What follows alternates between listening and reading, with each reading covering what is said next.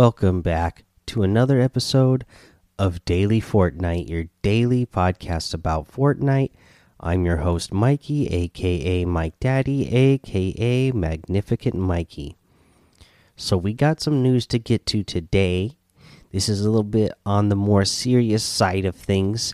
Uh, so, let's just get into it. So, uh, you know, I'll give a little backstory here in relation. So you guys know, you know, I used to be a big time Overwatch player, and I was really into that community before I got deep into the Fortnite community. Uh, Overwatch is made by Blizzard.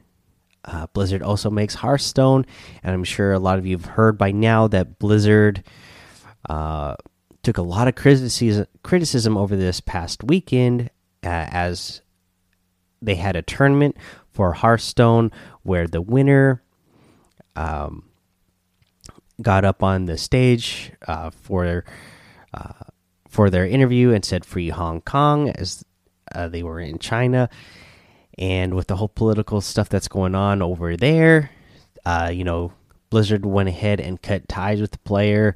They're banning him for a year, not paying him. So yeah, just looks bad overall for Blizzard.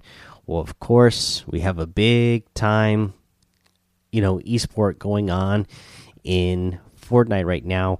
So the uh, Tim Sweeney, the the owner of or CEO, I should say, of Epic Games, uh, made some statements today uh, to The Verge. He said, Epic supports everyone's right to express their views on politics and human rights. We wouldn't ban or punish a Fortnite player or content creator for speaking on these topics. So that's their stance on that. Of course, uh, you know, they they make a statement uh, somewhere online, then of course there's going to be other people who will come and ask more questions and deep diver into this. So this actually happened on Twitter. A user said, "So if so if say Tfue said free Hong Kong in a post game interview, you wouldn't do anything." Tim Sweeney replied, "Exactly." And then another user comes in and says, "I thought your company had a majority investor from Chinese.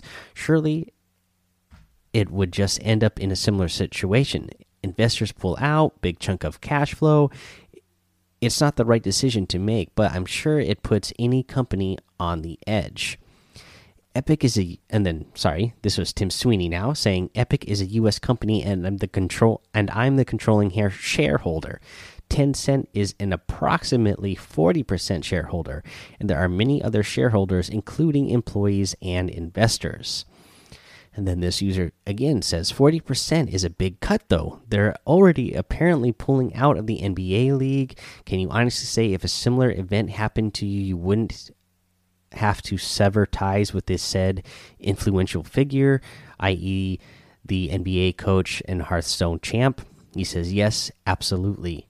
That will never happen on my watch as a C as the founder, CEO, and controlling shareholder. So I got to give him props for that. It seems like most people on the internet are giving him props for that. Uh, you know, letting, you know, at least for now, saying that he would, uh, you know, allow a player to speak their mind, you know, even if it happened on their stage. Now, I'm sure there's other things that uh, Epic would definitely not condone and would banish and you know punish a player for. But uh, you know, for this type of thing, they're saying at least that they would not. So you know, I think that's overall a good look uh, for the company, who tends to you know from uh, the gaming community in general gets flack for you know not doing exactly what they want when they want it. Uh, you know, it, it's nice to actually see people come out and show their, show their support uh, in this situation at least.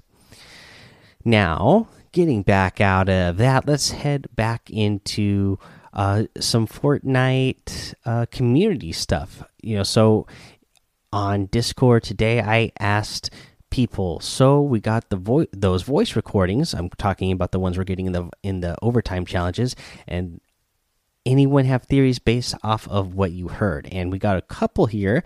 Uh, Mudbat said there must be some interdimensional time traveling from the visitor. I assume old self left the tapes to instruct his future self what to do. Question mark, question mark, question mark. no, no, that's a really that's a really good theory. I could see that making a lot of sense. And then we got another one here from uh, Prof Pig 29 says it's the visitor leaving recordings for the scientist. The scientist is the one constructing this rocket. The seven are different versions of the visitor, all in different universes. They are all making rockets. Maybe the new map will be one of those worlds. And wow, do I really like that one actually? That's a really cool one. That would be really cool, uh, you know, because there are rumors that maybe all this is leading to a new Fortnite map. That would be a really cool backstory and some lore to getting us to a new map. You know that you know the the the scientist is constructing this rocket, and you know the there's seven different versions of the visitor and they're all different worlds, which would be different maps, and maybe this rocket is going to end up bringing us to one of those worlds. That would be really cool, in fact. So, uh, you know, I'm rooting for that one to come true. That would be really cool. Uh, so, yeah, so there's that, guys. And then, of course, we got some uh, challenges once again for overtime challenges. Uh, you need to search or you need to yeah you, you need to search or collect whatever. The visitor recording on uh in moisty palms and greasy grove. Now the one in moisty palms they have the big hotel tower there. You're going to land on top of that. There is right down the middle of it when you're on the very top there's the white beam that runs across the middle of it, you're going to land on top of that, and the and the cassette tape is going to be on top of that. Now, when you go to Greasy Grove, you're going to go to the main restaurant.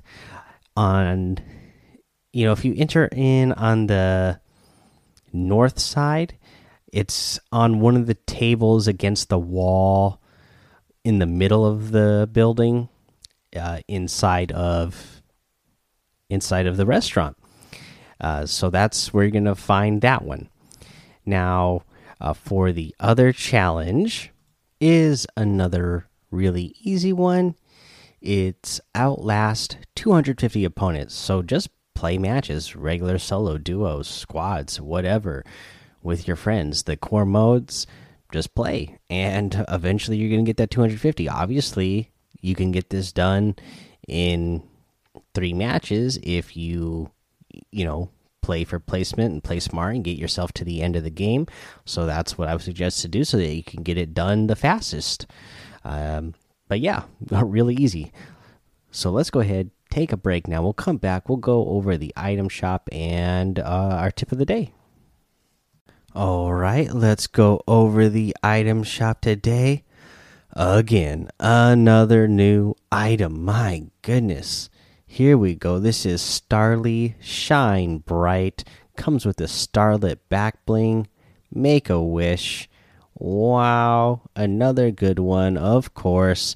Every single day they're putting out these good outfits. So she's got on this cool little glittery white and purple skirt. She's got those knee high stockings. She's got uh, big platform shoes on. I like the hoodie with the the star holding up the uh, rock rock sign and sticking its tongue out. Uh, you know, same thing with the the backpack is really cool. The uh, you know it's a star. It's the same star that she has on the front of her hoodie. only the zipper is the mouth and the teeth, and then the little strap that hangs from the zipper is the tongue. So pretty good there. Pretty good. Pretty funny. And I love her hair too. The whole uh, purple, pink, blue uh, combination. The whole it's like that. What do they call that?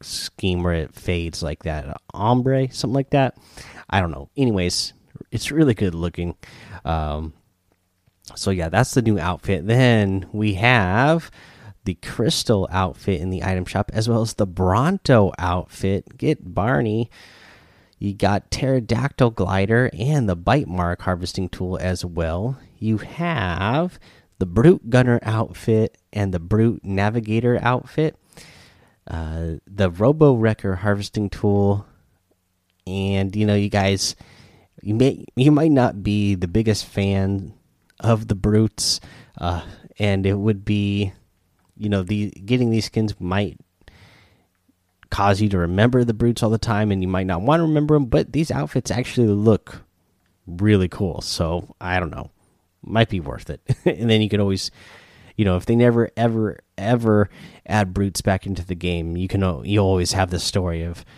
oh yeah you see i have these outfits called the brute gunner and brute navigator because they used to have these items in the game uh, called brutes. And they were these big huge overpowered mechs that you could drive around and eliminate people with uh, but the rest of the items that we have in here is the freestyle outfit, the fresh cut harvesting tool, the scorpion outfit, the dream feet emote, the job well done emote, and the icicle harvesting tool. You still get the Batman and P1000 bundles in the store section as well, and you can get any of these items using that creator code Mike Daddy M M M I K E D A D D Y in the item shop, and it will help support the show.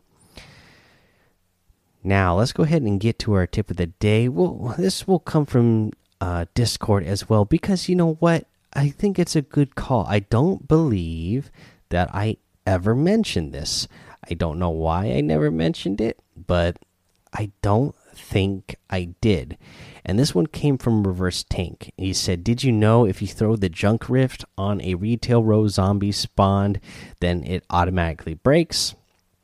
So, yeah, those big uh, purple crystal things reminds me of a lot of the dark crystal since i'm you know if you guys didn't know i'm doing a dark crystal podcast too. So that's what whenever i see those things that's what i think about now.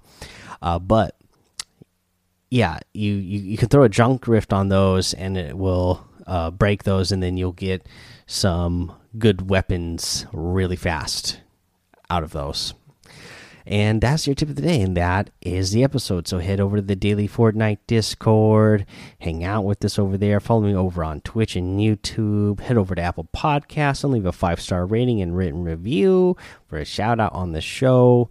Subscribe so you don't miss an episode. And until next time, have fun, be safe, and don't get lost in the storm.